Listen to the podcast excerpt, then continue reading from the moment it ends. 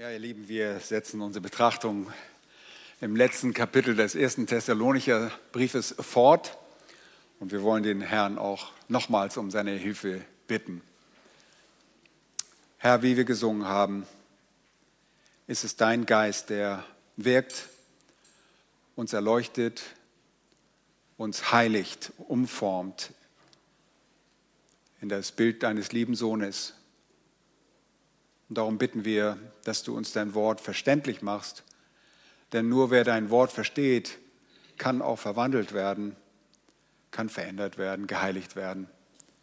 Hilf uns bitte im Verständnis und hilf mir im Reden, um deines Namens willen. Amen. Ja, wir sind in Kapitel 15. Ihr dürft aufschlagen. Auch wenn dieser Vers nicht so unendlich lang ist, habe ich wieder zwei Teile draus gemacht. Heute Teil 1, den Geist dämpft nicht.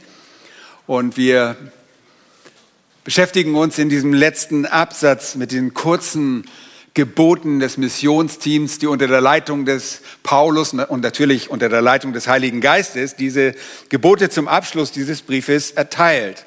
Schnell hintereinander weg vermitteln diese Verse diesen neuen Gläubigen in Thessalonich einige Grundsätze des christlichen Lebens, und zwar in Form von Geboten. Und diese Gebote sind kurz und sie sind leicht zu verstehen, aber dennoch sind sie sehr tiefgründig.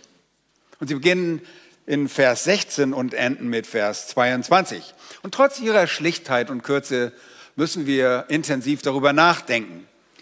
Die Gemeinde in Thessalonich ist zum Zeitpunkt des Schreibens, wie ihr wisst, nur wenige Monate äh, bekehrt, also die Gläubigen sind dort seit kurzem bekehrt, deshalb benötigen sie diese erinnernde Zusammenfassung am Ende des Briefes, diese kurzen Grundsätze des christlichen Lebens.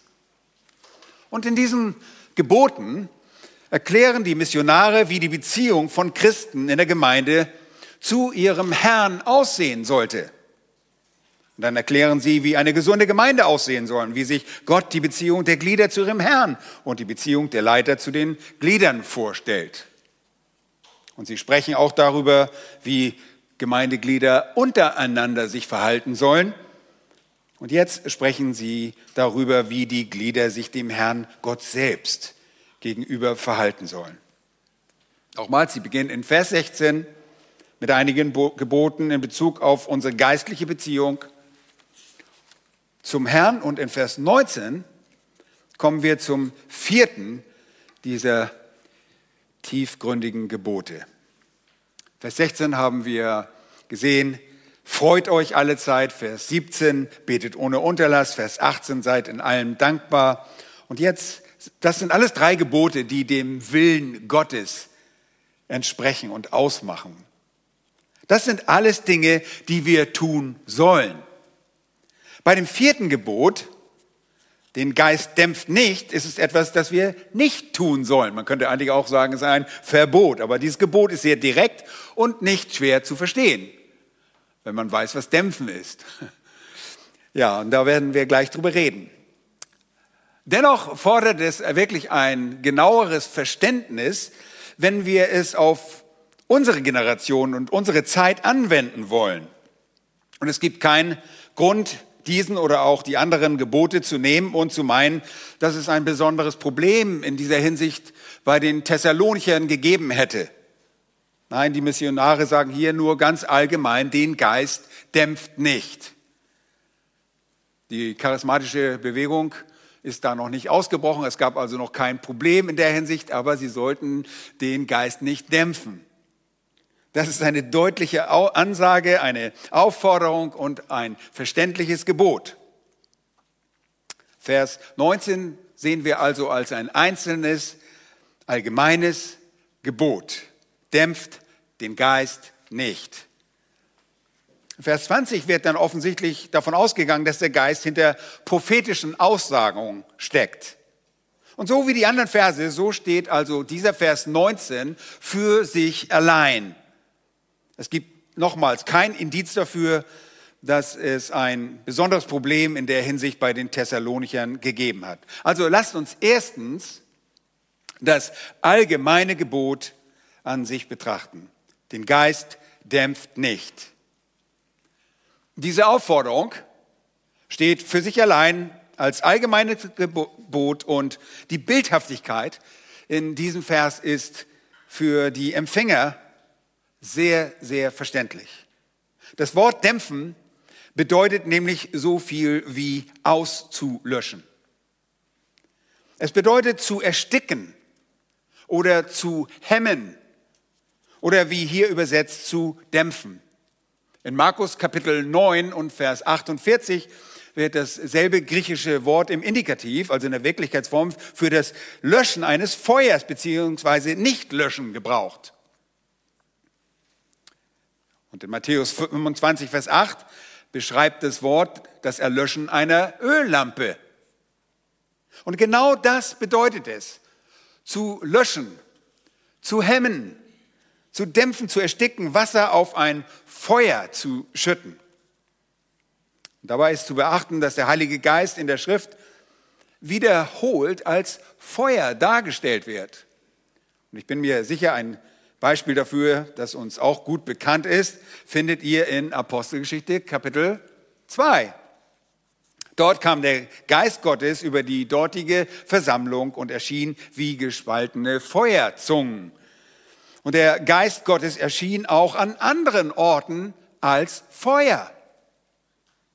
Ihr erinnert euch sicherlich, dass Paulus in seinem letzten, in dem zweiten Brief an Timotheus schrieb, dass er die Gnaden Gottes in sich wieder anfachen sollte. Mit anderen Worten, das, was, was in ihm war, war ein kleines Feuerchen. Timotheus sollte jedoch biblisch gesprochen Holzscheite oder bildlich gesprochen, nicht biblisch, sondern bildlich gesprochen, Holzscheite darauf werfen und dieses Feuer wieder anschüren denn es flackerte nur noch sehr schwach.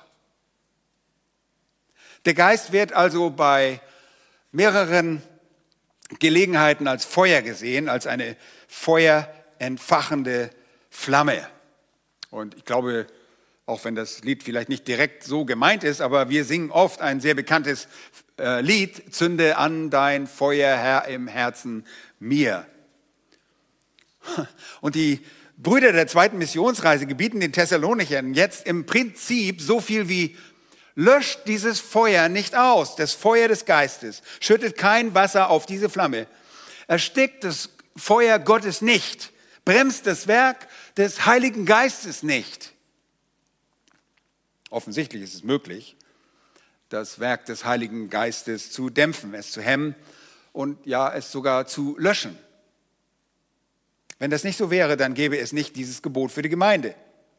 Und aus dem Epheserbrief wissen wir, dass es sogar möglich ist, den Heiligen Geist zu betrüben. Dort lese ich in Epheser 4, Vers 30, und betrübt nicht den Heiligen Geist, mit dem ihr versiegelt worden seid für den Tag der Erlösung.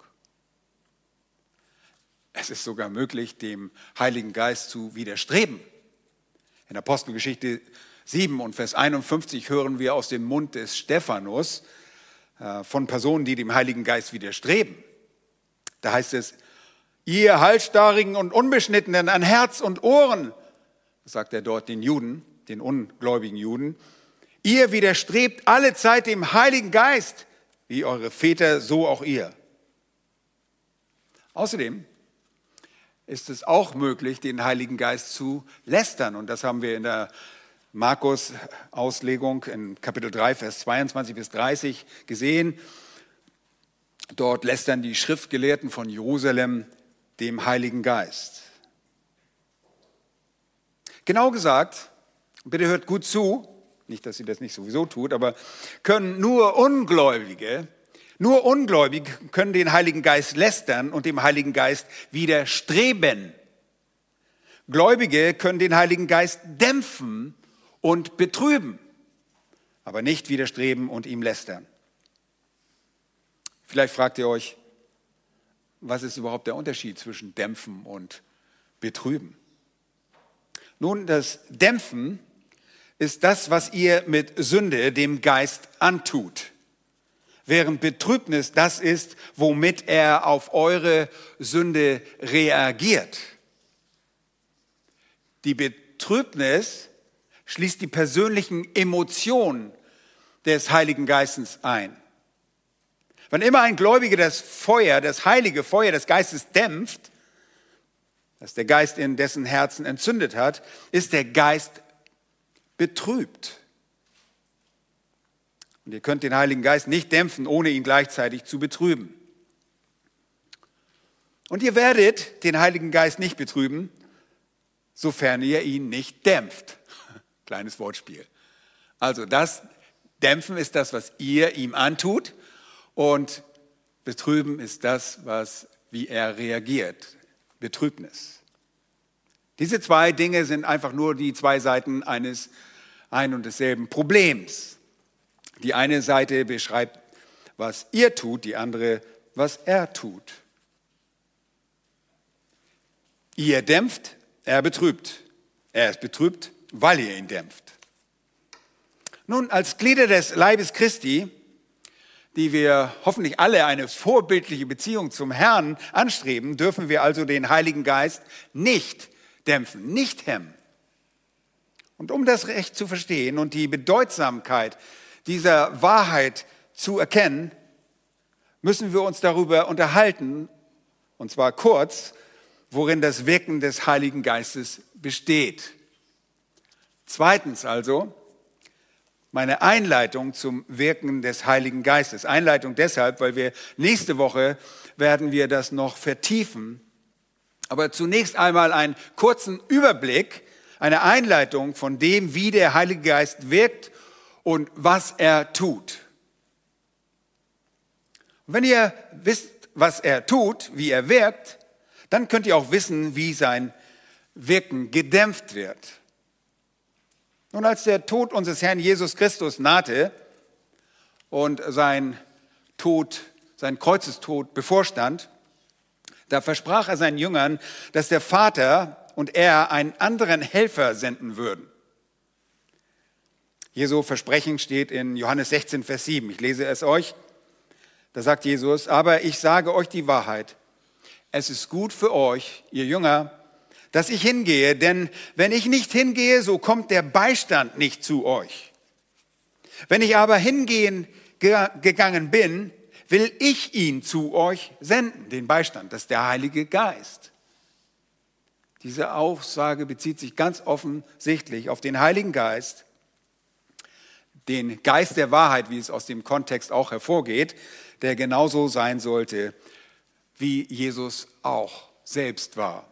Jesus versprach also dieses Kommen des Heiligen Geistes für die Zeit nach seiner Rückkehr zum Vater.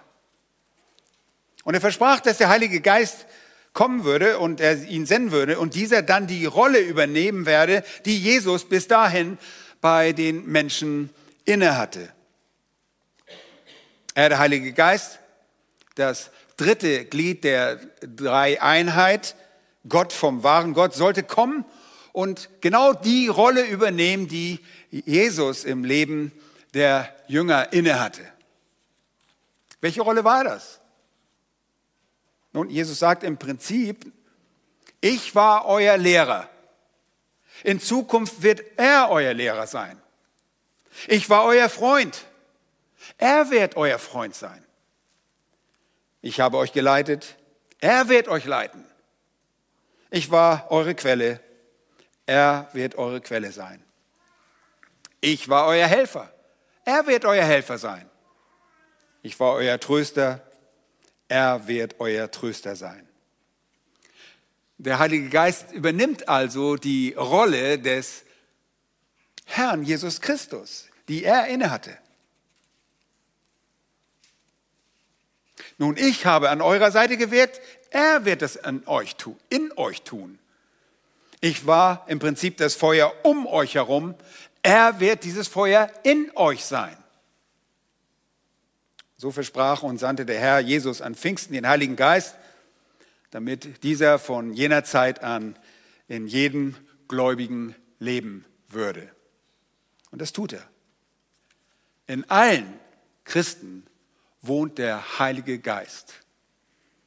Und er ist dort wie ein Feuer, das nicht gedämpft, sondern voll angefacht werden soll. Ein voll angefachtes Feuer bewirkt im Leben des einzelnen Christen gute Früchte. Haben wir gerade alles gesungen. Ich war erstaunt, wie gut die Lieder gepasst haben zu dem, was ich ausgearbeitet habe und was wir hier heute besprechen. Ein angefachtes Feuer bewirkt bei dem einzelnen Christen gute Früchte und macht eine ganze Gemeinde effektiv und glaubwürdig. Ihr Lieben, was aber noch viel wichtiger ist, das finden wir im selben Kapitel des Johannesevangeliums. In Johannes 16, also etwas weiter unten, ist der entscheidende Satz über das Wirken des Heiligen Geistes. Und darauf kommt es wirklich an. Hört gut zu. Er, nochmals, er ist der Geist der Wahrheit, wird mich verherrlichen. Er wird mich verherrlichen. Denn von dem meinen wird er nehmen und euch verkündigen. Oh, ihr Lieben, diese Worte Jesus sind so wichtig. Der Geist wird mich verherrlichen, sagt Jesus. Der Heilige Geist wirkt zur Verherrlichung des Herrn Jesus Christus. Und wir haben gesagt, er wirkt ja auch zum, zur Verherrlichung des Vaters. Ja, er wirkt zur Verherrlichung Gottes.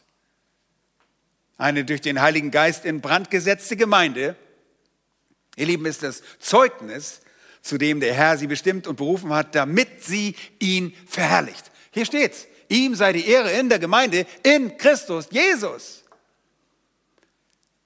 Das macht der Heilige Geist. Bitte lasst uns das im Gedächtnis behalten. Wozu sind wir berufen? Zur Verherrlichung Jesu Christi. Und der Geist wirkt in den Gläubigen, damit Christus verherrlicht werde. Und jetzt verstehen wir auch, warum wir den Geist nicht dämpfen sollen. Leider ist das Dämpfen des Heiligen Geistes im Leben von Gläubigen weit, weit verbreitet. Das um sich greifende Feuer des Heiligen Geistes wird in der Gemeinde Jesu Christi heutzutage vielfach gedämpft. Und das geschieht in einem erheblichen Maße. Der Heilige Geist ist deshalb was? Betrübt. Er ist betrübt. Denn Christus wird in einem solchen Fall nicht richtig verherrlicht. In meinen Ausführungen möchte ich euch nur ein paar der Gründe mitteilen, wie das Dämpfen des Heiligen Geistes heute durch und in Gemeinden typischerweise geschieht. Und damit bin ich schon bei dem Hauptteil, dem dritten Punkt, wie das Dämpfen des Geistes heutzutage in der Gemeinde geschieht. Nun, die besorgniserregenden Dinge, die ich euch gleich weitergeben möchte, sind alle irgendwo miteinander verknüpft. Sie sind gerade symptomatisch für die vom lebendigen Gott abfallende Gemeinde. Aber in jeder Gemeinde gibt es diese Symptome als temporäre Erscheinung inmitten ihrer Glieder, unter ihren Gliedern. Und das soll nicht sein. Wie kann das sein? Hier ist der Grund. Wann immer ein Kind Gottes sündigt, durch Gedanken, durch Wort, Tat oder durch die Unterlassung dessen, was er weiß, dass er Gutes tun soll, wird der Geist Gottes gedämpft. Und dieses Dämpfen betrübt den Geist, weil Christus durch seine Glieder dann nicht verherrlicht wird. Macht Sinn, oder? All diese destruktiven Dinge tragen letztlich zur Zerstörung der Gemeinde bei, wenn wahre Kinder Gottes ihnen nicht recht begegnen und sie auf biblische Art und Weise beenden, sprich Buße tun. Das Beenden geschieht immer durch Buße tun und das Ersetzen einer falschen Tat mit der rechten Tat. Aber lasst mich ein paar dieser Dinge hervorheben, wie der Geist Gottes gedämpft wird. Erstens durch Unterlassung richtiger Bibelauslegung. Und damit fängt es an. Die Unterlassung rechter Bibelauslegung. Ihr Lieben, ihr könnt es euch nicht vorstellen, vielleicht wisst ihr es auch nicht, aber in vielen Gemeinden wird das Wort Gottes weder ernsthaft ausgelegt, noch verkündigt oder gelehrt. Diese Umstände dämpfen den Geist Gottes, denn das Wort ist das entscheidende Werkzeug seines Wirkens. Durch das Wort wird Christus erhoben, durch das Wort wird seine Gemeinde geheiligt und deshalb muss das Wort Gottes gepredigt und verstanden werden. Ihr könnt sagen, oh, ich, sah, ich saß in einer stundenlangen Predigt, das war richtig gut, aber verstanden habe ich nichts. Das nützt euch nichts. Wir müssen das Wort Gottes verstehen. Und es ist äußerst wichtig. Nun, leider sind Pastoren in vielen Gemeinden nicht einmal mehr daran interessiert, das Wort recht zu verstehen. Viele dieser Hirten, wenn man sie noch Hirten nennen soll, sind Unterhalter und Entertainer statt auslegender Verkündiger oder Lehrer von Gottes Wort. Weil diese Personen sich wenig oder gar nicht darum kümmern, was Gott sagt, geht es denen, die ihnen zuhören und mitmachen, ebenso. Sie werden gar nicht genährt. Leiter geben dem Wort der Bibel meist eine dem Text fremde Bedeutung, weil sie sich nicht mehr die Mühe machen, die Bibel auszulegen und das auch nicht mal mehr können. Sie haben es verlernt oder gar nicht erst gelernt. Und sie kennen weder mit den biblischen, kennen sich weder mit den biblischen Sprachen aus, noch verstehen sie die Grammatik oder auch kulturelle Hintergründe sind ihnen unbekannt. Und obwohl sie die Sprachen und kulturellen Geflogenheiten der Bibel nicht kennen, greifen sie nicht einmal zu den ihnen verfügbaren Mitteln, um ihre Defizite, Defizite zu eliminieren. Und das ist traurig. Oft hört man solche Menschen dann noch sagen, ah, Lehre trennt ohnehin und tötet das Leben einer Gemeinde. Ihr Lieben, genau das Gegenteil ist der Fall. Ohne Orthodoxie gibt es keine Orthopraxie. Ohne die rechte Lehre gibt es keine rechte Praxis in der Gemeinde. Und ohne die rechte Praxis, das rechte Leben in der Gemeinde, gibt es keine Ehre für unseren Herrn Jesus Christus. Das ist der Punkt. Und das ist ein schlimmes Versagen. Ein tiefgreifendes Vergehen an dem, dessen Name das Wort ist. Statt sich mit dem Wort Gottes auseinanderzusetzen und dem Wort zu widmen, gehen, geben sich heute Zuhörer und Zuschauer mit irgendwelchen Geschichtchen zufrieden, die sie dann willkürlich auf ihr Leben angewendet wissen wollen. Und diese Predigtchen oder wenn man es überhaupt noch Predigt nennen darf, dieser zur Abtrünnigkeit beitragenden Hirten sind letztlich nur kurze Ansprachen, die ihre Zuhörer weder durchgreifend heiligen können, noch sie zur Erkenntnis des Christus führen. Treue Gemeindehirten haben es oft dann schwierig, haben es schwer unter diesen Umständen den Gläubigen zu erklären, warum eine genaue Auslegung notwendig ist. Durch diese Dinge wird das Dämpfen, das Hemmen des Heiligen Geistes von Seiten der Gemeindeleitungen auf die Glieder der Gemeinde übertragen. Diese nämlich, die Gemeinde selbst, gibt sich dann mit diesen Gegebenheiten letztlich zufrieden und diese Glieder werden bequem und sie werden in ihren eigenen Überzeugungen geschwächt. All das ihr Lieben, dämpft den Geist Gottes. Etwas zu unterlassen, die Bibel richtig auszulegen. Und wenn das nicht geschieht, dann entsteht natürlich ein Vakuum und dieses Vakuum wird gefüllt mit anderen Dingen und diese Dinge sind falsch und betrüben den Geist Gottes. Und das führt mich zu einem zweiten Problem und letztlich all den anderen Problemen, die ich noch anführen werde. Der Geist Gottes wird zweitens gedämpft durch einen selbstgefälligen Individualismus. Oh, das ist noch recht nett und zeitgemäß ausgedrückt. Durch einen selbstgefälligen Individualismus. Es existiert in Gemeinden und unter deren Gläubigen ein gefährlicher, selbstgefälliger Individualismus, begleitet von einem Mangel an Hingabe und Opferbereitschaft. Bei diesem Individualismus spreche ich letztlich von einer ausgeprägten Neigung zur Selbstliebe. Es ist Selbstliebe, die für die erschreckenden Umstände in Gemeinden verantwortlich ist. Nun, was meine ich mit gefährlichem Individualismus? Ich beziehe mich auf Menschen, die vielleicht noch manche Gemeinde besuchen oder aufsuchen oder sogar die nötigsten Veranstaltungen teilnehmen, aber sich innerlich schon längst von dem Wirken des Geistes getrennt haben. Das sind Mitglieder, die irgendwie nur ihre eigene Agenda vorantreiben wollen und sich nicht der Führung von Gottes Geist in ihrer Gemeinde hingeben. Sie haben ja letztlich auch das Internet und können sich alles anhören, was ihrer Meinung nach von Bedeutung und gut ist. Und so fangen sie das auf und überhaupt ist das Zuhören auf der eigenen Couch im Wohnzimmer des eigenen Hauses doch viel bequemer und praktischer. Und übrigens in dieser Zeit, wo die Benzinpreise so teuer ist, kann man noch viel Geld sparen. Und in der Corona-Zeit musste man nicht mal einen Mundschutz tragen. Preis den Herrn. Das Ganze gleicht dann irgendwie der Idee von einem Homeoffice, einer Art Homekirche auf der eigenen Couch bei der man sein eigenes individuelles Programm zusammenstellen kann, auf eine kreative Art und Weise. Wenn das Programm oder der jeweilige Redner im Internet einem nicht passt, dann schaltet man ihn einfach ab, macht den Mund tot. Das ist ja in der Gemeinde ein bisschen auffälliger, wenn man rausgeht. Und dann sucht man sich was Passendes. Und so entfernen sich Menschen nicht nur innerlich von Gottes lokaler Gemeinde, sondern auch von dem Wirken des Geistes und sind getrennt von der Ehrerbietung des Herrn Jesus Christus. Was sagt die Bibel dazu?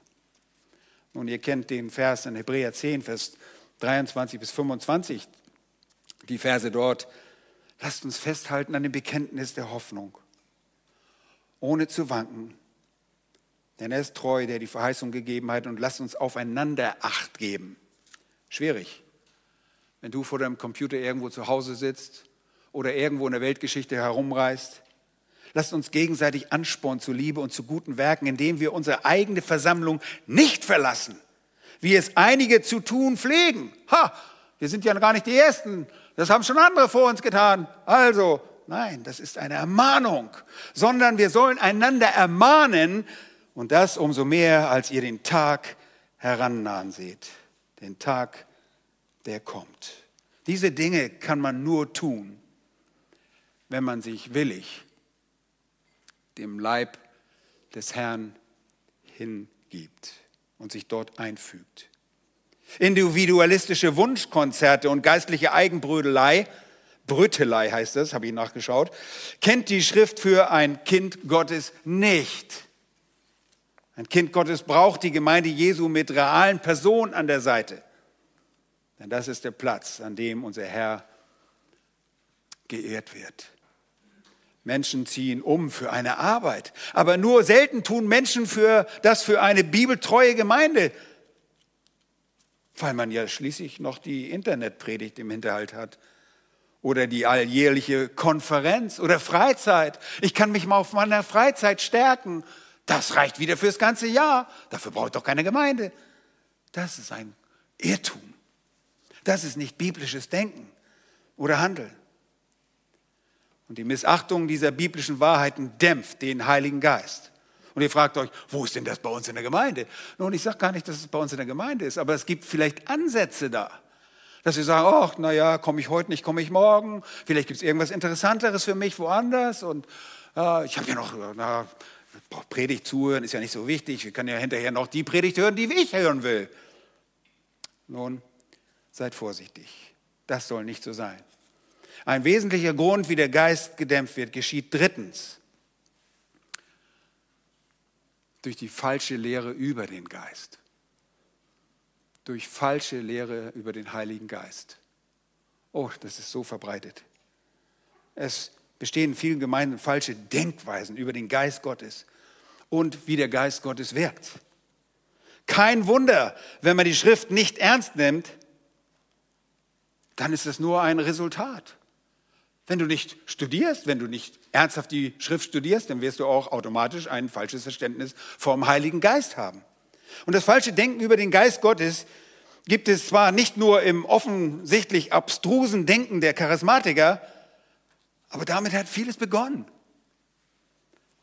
Der charismatische Einfluss macht sich, macht sich direkt und indirekt bemerkbar. Nun, das durch die Charismatiker verursachte Durcheinander hat in unachtsamen Gemeinden ebenso viel Schaden eingerichtet. Und ich erkläre euch das gleich. Viele Gemeinden leben mittlerweile einen mystischen Glauben und üben mystische Praktiken aus. Du denkst, ja, wo denn das? Nun, es ist nicht so offensichtlich für, für jeden, aber das ist der, der, der Fall. Ihr wisst, das ist natürlich für den Heiligen Geist ein Grund zur Betrübnis. Das ist etwas, was unseren Herrn Jesus Christus nicht ehrt, denn der Geist Gottes lehrt die Wahrheit. Nun, was meine ich damit? Lasst uns das kurz ansehen. Zunächst gehen die Anhänger der charismatischen Bewegung davon aus, das Wirken des Heiligen Geistes zu fördern. Letztendlich reden sie ständig nur vom Heiligen Geist und der Heilige Geist wirkt hier und der Heilige Geist macht das. Und wenn es etwas gibt, das viele Christen als Wahrheit über die charismatische Bewegung äh, annehmen würden, dann ist es das, dass sie vor allen anderen den Heiligen Geist in den Mittelpunkt stellen. Da ist er. Wir reden vom Geist. Sie reden ständig über die Gaben des Geistes, sie reden ständig über die Macht des Geistes und sie beschäftigen sich ständig über die, mit der Lehre des Heiligen Geistes. Ist das nicht richtig? Nun, das, da gibt es einen kleinen Haken. Sie beschäftigen sich nicht mit der biblischen Lehre, sondern sie entwickeln diese Lehre weiter zu einem Irrtum. Auf eine unbiblische Art haben sie das weiterentwickelt, weil sie, Punkt 1, sich nicht mit der gründlichen Auslegung des Wortes Gottes beschäftigt haben. Tatsache ist, egal wie viel sie über das Wirken des Heiligen Geistes sprechen, sie dämpfen die wahre Heiligung des Geistes, indem sie ihn falsch repräsentieren. Oh, sie sprechen über Wirkung des Geistes, mit denen der Geist Gottes überhaupt nichts zu tun hat. Und mit ihrem ganzen Gehabe haben Charismatiker den Heiligen Geist gewissermaßen auf einen Geist aus der Flasche reduziert, der allerdings nur Dinge tut, die sichtbar, fühlbar und hörbar sind. Und wenn ihr die Dinge nicht sehen, nicht fühlen oder nicht hören könnt, dann hat der Geist sie ihrer Auffassung auch nicht getan. Also alles, was nicht irgendwie wahrnehmbar ist mit physischen oder mit, mit euren äh, Sensoren, dann hat der Geist das nicht getan. Mit euren Sinn. Und der Gipfel dabei ist, dass der Heilige Geist all diese Dinge für sie auf Abruf tut. Die können mit dem Heiligen Geist rumspringen. Die sagen das und machen dies und, äh, und der Geist, der tut das alles. Und obwohl die charismatische Bewegung also geradezu vom Heiligen Geist besessen ist, dämpft sie die wahre Heiligung und die Wahrheit des Geistes. Die Lieben, wenn man einen falschen Maßstab der Heiligung, einen falschen Maßstab für Geistlichkeit festlegt, dann dämpft man dadurch den Heiligen Geist und das Wirken des Geistes. Mittlerweile sind aus den charismatischen Denkweisen einige im evangelikalen Lager angekommen, diese Denkweisen, und viele sind davon angesteckt. Durch das verschobene Denken über das Wirken des Geistes haben auch nicht Charismatiker Schaden genommen. Wir kennen alle Menschen, die das erkennen, von Willen Gottes sprechen und damit seine Führung auf sehr fragwürdige äh, Weise ausdrücken. Habt ihr schon mal gehört? Ich bin mir sicher, das habt ihr gehört und vielleicht schon selber gesagt. Wenn jemand sagt, ich habe über diese oder jene Sache Frieden gefunden und deshalb kann ich handeln. Wisst ihr was? Das ist Unsinn. Das ist ein völlig subjektives Gefühl und ist niemals der Maßstab für ein korrektes biblisches Handeln. Ich habe Frieden gefunden. Was ist das denn? Das ist nur ein Gefühl. Du musst sagen, die Bibel sagt es und dann kannst du handeln und nicht, weil du das Gefühl hast. Ich habe das einmal miterlebt, dass eine Frau in Kanada einen Mann nachgefolgt, weil sie den Eindruck hatte, sie sollte diesen Mann heiraten. Ihren anderen Mann hat sie hängen, äh, äh, der hat sie aufgehängt, den hat sie sitzen lassen und hat sich dann aufgehängt. Wenig später wurde ich gerufen, weil sie sich umbringen wollte. Ein völliges Durcheinander. Oder der Herr hat mir durch den Geist gesagt, dass ich dies oder jenes machen kann. Wisst ihr was? Das ist dummes Zeug. Dummes Zeug. Entweder die Schrift sagt, was du tun sollst, und das ist richtig gemäß dem, was Gott sagt. Der Geist spricht nicht individuell und schon gar nicht hörbar. Oder der Geist hat mir angezeigt, was für mich richtig ist, und die Person tut dann etwas, was unbiblisch ist. Das ist ein Widerspruch in sich selbst. Oder am schönsten ist noch ein religiöses Kleid. Ich habe dafür gebetet. Und dann habe ich das gekauft. Ja, und dann war meine Familie pleite. Ja, war das im Sinne Gottes? Nein. Ich habe dafür gebetet. Das bedeutet nichts. Das sind die mystischen Ansätze, die von den Charismatikern zu uns gekommen sind. Ihr Lieben, wir müssen uns auf das berufen, was Gottes Wort sagt. Nicht, was wir fühlen oder denken oder was immer anderes uns suggeriert, nämlich unser eigener Gedanke, unsere eigene Lust. Wie gesagt, ich habe so manche Tragik miterlebt, wenn Menschen auf diese Weise den Geist Gottes dämpfen und einen mystischen Glauben. Das ist nichts anderes als Mystik. Man könnte auch zum mystischen Kreis gehen, die machen ähnliche Sachen. Das hat nichts mit Wahrheit zu tun und ist falsches Denken über das Wirken des Geistes. Nun, das Dämpfen des Geistes geschieht durch jede Sünde. Ich möchte euch nur aufzeigen, was im Moment sehr verbreitet ist in den Gemeinden. Aber durch jede Sünde, jede einzelne Sünde, sei es eine Tat oder ein Gedanke oder ein Wort oder eine Unterlassung, dämpft den Heiligen Geist. Aber in vielen Gemeinden wird das begünstigt, viertens, durch einen erfolgsorientierten Pragmatismus. Aber was ist das denn wieder? Gedämpft durch einen erfolgsorientierten Pragmatismus. Nun, es gibt heutzutage in vielen christlichen Kreisen diesen, diese Orientierung des Erfolges. Alles, was uns dem selbstgesteckten Ziel in Gemeinde und Mission näher bringt, wird akzeptiert. Wir haben, glaube ich, im letzten Lied war das, dass wir deinem Ziel näher kommen. Davon haben wir gesungen. Hier geht es um selbstgesteckte Ziele. Und diese selbstgesteckten Ziele und fehlgeleiteten Ziele sind zum Beispiel, dass wir als Gemeinde möglichst groß werden. Ho, ein Ziel. In einem Jahr haben wir so und so viele Leute. Das ist mein Ziel. So und so werden wir das erreichen. Das ist kein biblisches Ziel. Oder dass wir eine Gemeinde werden, die alle bestaunen. Ho, und alle nur von uns in der Zeitung lesen, weil wir so toll sind. Meine Güte, das ist ein tolles Ziel, aber das ist kein biblisches Ziel. Dass wir alle Probleme abwerfen können. Und bei uns werden in der Gemeinde alle Probleme gelöst. Ha, das wäre eine Gemeinde. Ja? ja, Problem ist, das ist nicht biblisch. Oder dass wir ein ganz großes Gebäude bekommen, dass die Welt nicht so uns über uns schmunzelt, wenn wir hier irgendwo um Hinterhof uns versammeln und Christus anbeten. Wisst ihr was? Das ist kein biblisches Ziel. Aber diese Ziele werden häufig eingesetzt und verfolgt. Zahlen spielen in solchen Fällen in der Gemeinde oder im Missionswerk eine gewichtige Rolle. Und Akzeptanz wird bedeutsamer als die Wahrheit selbst. Und so wird der Geist Gottes gedämpft. Denn nicht das Wirken des Geistes ist relevant, sondern das, was diese Menschen zu dem Ziel bringt, das sie sich selbst gesetzt haben. Oh, das ist nicht so offensichtlich, ihr Lieben. Das wird alles schön fromm verpackt. Für eine Gemeinde braucht man Menschen. Für bestimmte Projekte braucht man Menschen und viel Geld. Und der Einflussbereich soll deshalb in diesen Kreisen durch physische Mittel, das heißt auf eine fleischliche Art und Weise, erweitert werden.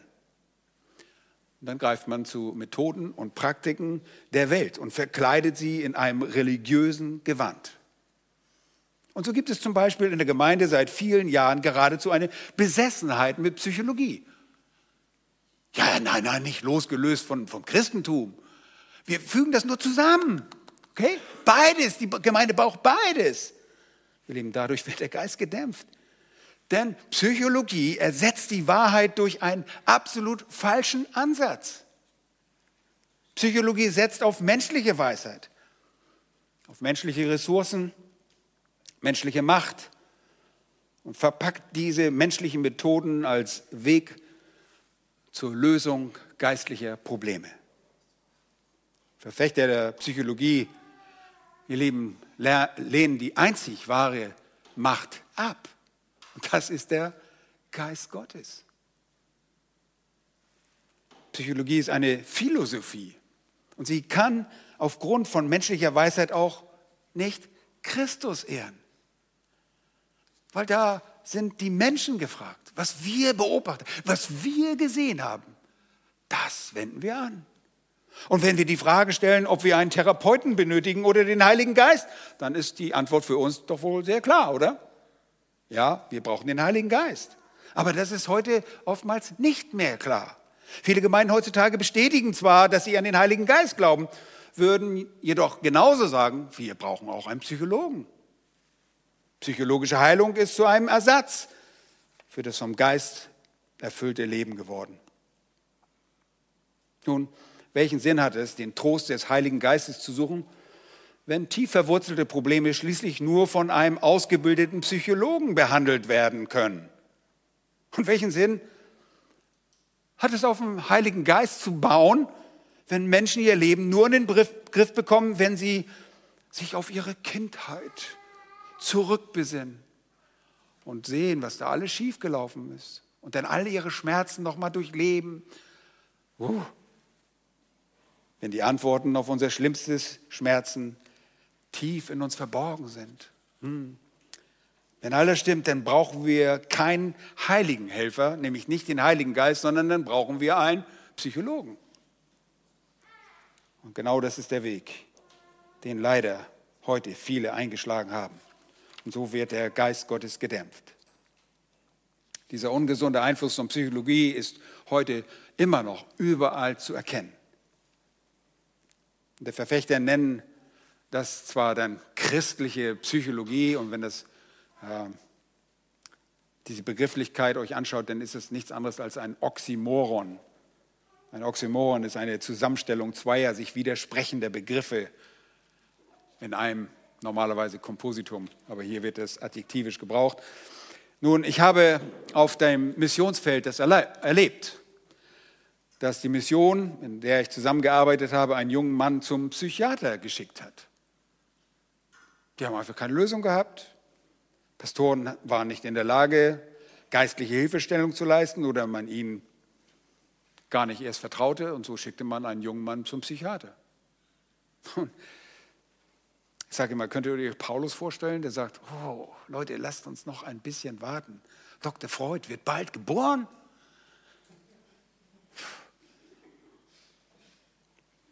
Und, und dadurch, dass wir christlichen Pastoren das nicht können, mit diesem, mit diesem Problem nicht fertig werden, verlieren wir an Glaubwürdigkeit. Und man sagt, dass die Welt von heute angeblich so komplex sei, dass ein einfacher Pastor diese Aufgabe doch überhaupt nicht übernehmen könne. Und deshalb braucht man solche guten, ausgebildeten Psychologen. Eine Empfehlung, sich auf die Bibel und das Gebet und den Dienst des Heiligen Geistes zu beschränken, das wird verspottet. Dann fängt man beißenden Spott. Man verachtet das Ganze als ein unwirksames Trostpflaster. Christo werden alleine würde ja schließlich das Problem tiefer seelischen Verletzungen aus der Vergangenheit nicht lösen.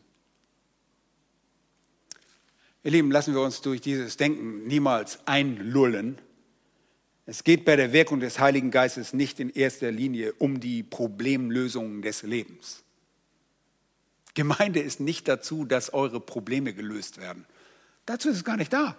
Gemeinde ist dazu da, was haben wir gehört? Warum sind wir berufen? Christus zu verherrlichen. Und wenn ihr mit einigen Problemen lebt, und ich lebe mit einigen Problemen, dann leben wir damit zur Verherrlichung Christi. Einige von euch sind krank. Andere haben einen Wunsch, der nicht erfüllt wird. Wir können damit leben, weil wir Christus verherrlichen. Aber lassen wir uns nicht einlullen und meinen, das Problem sitzt so tief. Lasst uns in deine Vergangenheit zurückgehen. Oh, da muss noch irgendwas sein. Denk mal stark nach, was du nicht alles getan hast als Kind. Oder was deine Eltern dir angetan haben, die Bösen. Nun, ihr Lieben, wenn das Gebet und das Bibelstudium des Dienst des Heiligen Geistes ein Trostpflaster darstellen, dann wird der Geist Gottes gedämpft und Christus nicht verherrlicht. Das Gegenteil ist wohl eher der Fall. Psychologie ist das Pflaster und das Wort, Gebet und die Macht des Geistes sind gleichsam eine tiefgreifende Chirurgie eines Menschen, nämlich dass wir neues Leben bekommen. Ein Leben, das auch mit Problemen leben kann. Klar, der Herr löst auch Probleme. Wenn wir gehorsam sind, lösen sich viele Probleme. Wenn wir nur dem Wort Gottes folgen, denn unsere Probleme kommen meistens woher? Dass wir sündigen, dass wir bockig sind. Daher kommen unsere Probleme. Und die können wir lösen, wenn wir dem Herrn bekennen, dass wir selbstsüchtig sind, dass wir eigensinnig sind, dass wir sündig sind. Wir gehen auf die Knie und sagen, Herr, hier ist mein Leben. Ich vertraue mich dir ganz an. Nun, die Bibel, das Gebet und der Dienst des Heiligen Geistes sind nicht irgendwie nur eine schwache Wundsalbe für uns, sondern sie sind unser Leben und sie geben uns das Leben. Und die vorherrschende Ansicht der Gemeinde reflektiert nichts weiter als irgendwo einen evolutionistischen, atheistischen Freudianismus.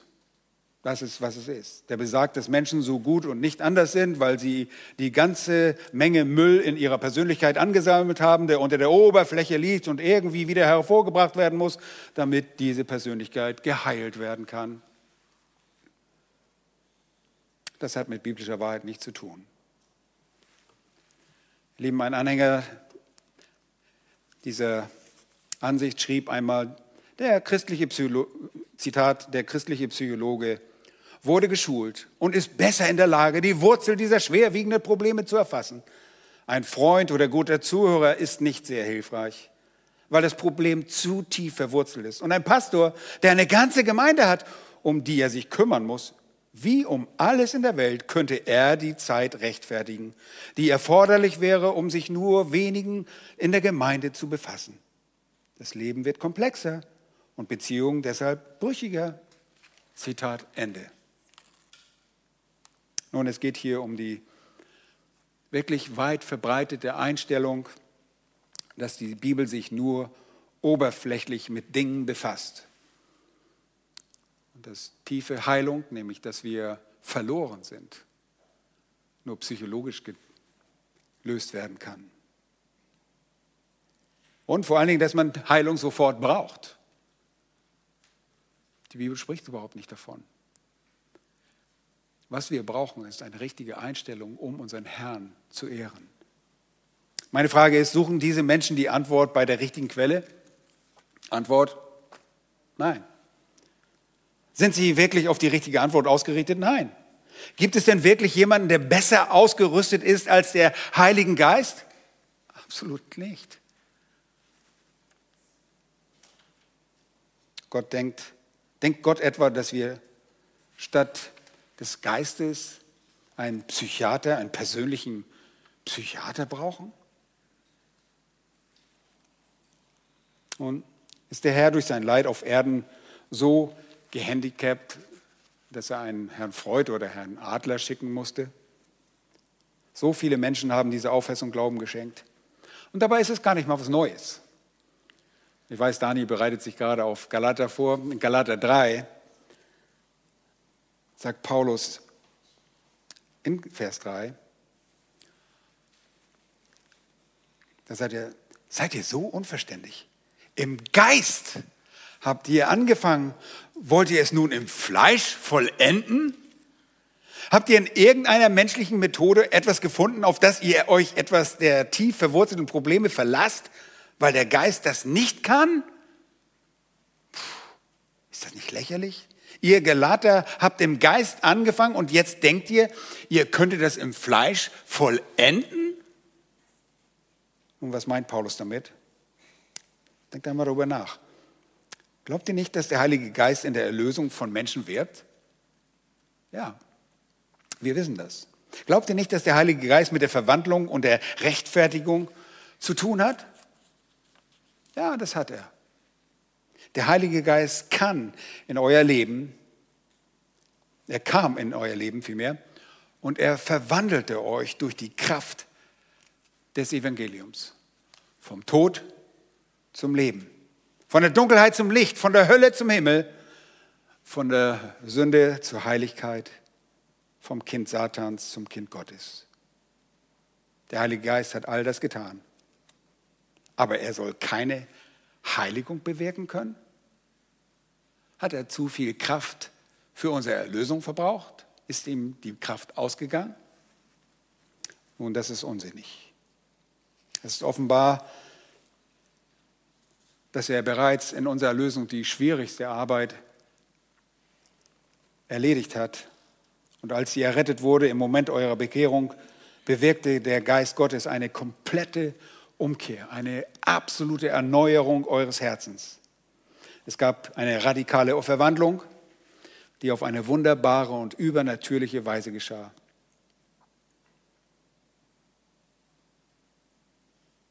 Die Verwandlung sonderte euch ab, weg von der Sünde hin zu Gott. Sie machte euch zu einem Bestandteil des Leibes Christi. Und der Heilige Geist kehrte oder zog dauerhaft in euer Leben ein.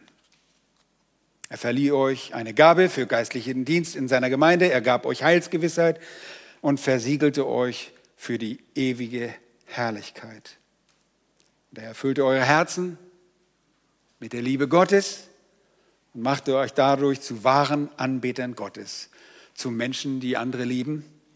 Und er machte euch, hört gut zu, zu Anbetern Jesu Christi, zu Anbetern des wahren Gottes, den es jetzt zu ehren gilt. All das tat der Heilige Geist zum Zeitpunkt der Errettung.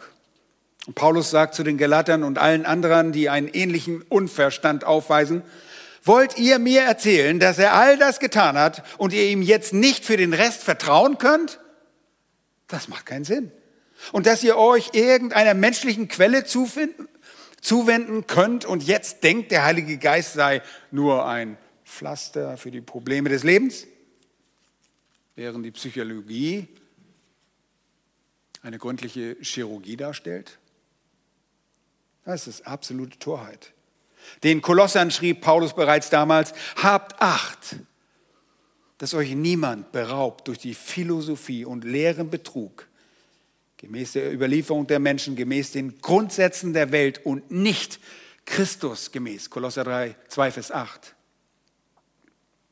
Und alles, was dem entspricht, was Christus sagt, alles, was nicht dem entspricht, was Christus sagt, ist ein Dämpfen des Geistes. Wir brauchen nur Christus, denn in ihm wohnt die ganze Fülle der Gottheit leibhaftig.